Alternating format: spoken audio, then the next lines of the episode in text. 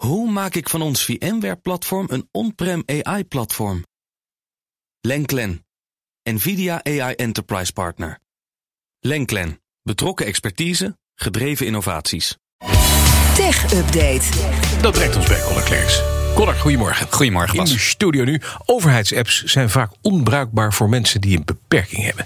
Ja, dat is eh, een verhaal bij eh, de collega's van de NOS vanmorgen. Ehm, vanaf vandaag moeten alle apps van de overheid een toegankelijkheidsverklaring hebben. En daarin staat in hoeverre een app eh, toegankelijk is voor mensen met een beperking.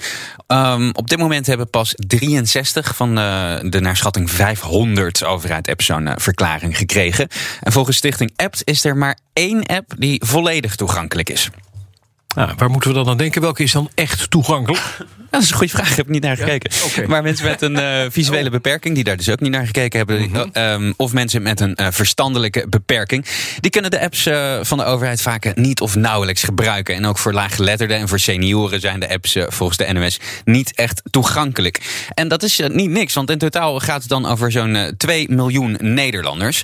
Een woordvoerder van Ieder In, dat is een belangenorganisatie voor mensen met een beperking of een chronische ziekte, zegt tegen de NOS dat het eigenlijk ongelooflijk is dat de overheid zo achterloopt.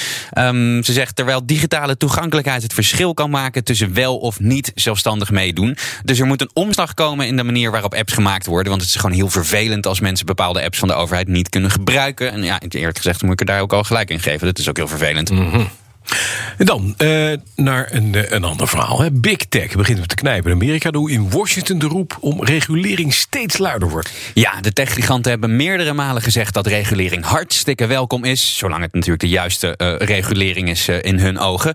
Maar nu er vijf conceptwetsvoorstellen liggen om de macht van de bedrijven zoals Facebook en Apple en Amazon en Google te beperken, wordt er ineens toch al heel stevig tegen gelobbyd.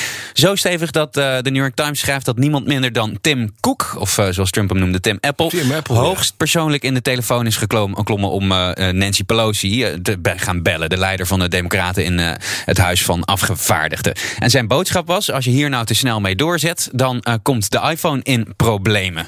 En naast dat Tim Cook dus zelf aan het bellen is, schrijft de Times dat managers en lobbyisten en denktanks en belangenorganisaties, die allemaal be- betaald worden door de techsector, met een enorm offensief bezig zijn. Ze bellen en ze mailen politici, maar ook hun staf met allerlei waarschuwingen dat de tech-industrie het heel zwaar gaat krijgen als deze wetsvoorstellen het eh, halen.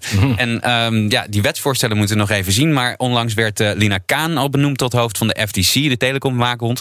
En zij is bijzonder kritisch eh, in het verleden geweest over big tech. Halen die democratische wetsvoorstellen het nou, ja, dan, dan komen er ook wel echt ingrijpende veranderingen. Dan moet je eraan gaan denken dat het misschien niet meer toegestaan wordt dat een speler als Apple of Google zoveel macht houdt over hun concurrenten in hun eigen app stores.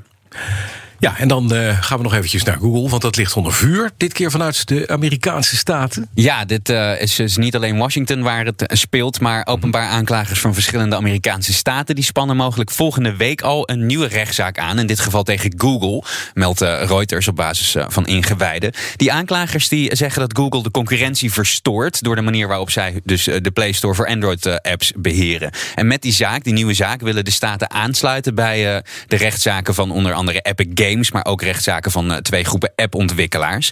Die ontwikkelaars die hebben geklaagd omdat ze het onterecht vinden dat Google, net zoals Apple doet op iOS, die commissie vangt op eh, in-app aankomen. Ehm, Google verdedigt zich juist eh, door te stellen dat, dat Android het enige grote besturingssysteem is dat wel alternatieve appwinkels toestaat. Gaat de staat in elk geval niet ver genoeg. Om drie uur vanmiddag een BNR Digitaal gaat Herbert in gesprek met Eva Schram. Zij is correspondent in Silicon Valley voor onder andere het FD. En zij gaan dus praten over de manier waarop de nieuwe FTC-topvrouw... en waarschijnlijk ook dus over die nieuwe statenzaak met eh, eh, de techbedrijven eh, omgaat. En eh, morgen komt Windows 11. Dus vanmiddag hoor je wat voor vernieuwingen we kunnen verwachten... om drie uur in BNR Digitaal. Ja, ik denk dat als je de naam Lina Kaan noemde en Silicon Valley... dat iedereen een beetje begint trillen. Ik denk het wel. Dat denk ik ook. Dankjewel, Conor Klerks. De BNR Tech Update wordt mede mogelijk gemaakt door Lenklen. Hoe vergroot ik onze compute power zonder extra compute power? Lenklen, Hitachi Virtual Storage Partner. Lenklen, betrokken expertise, gedreven innovaties.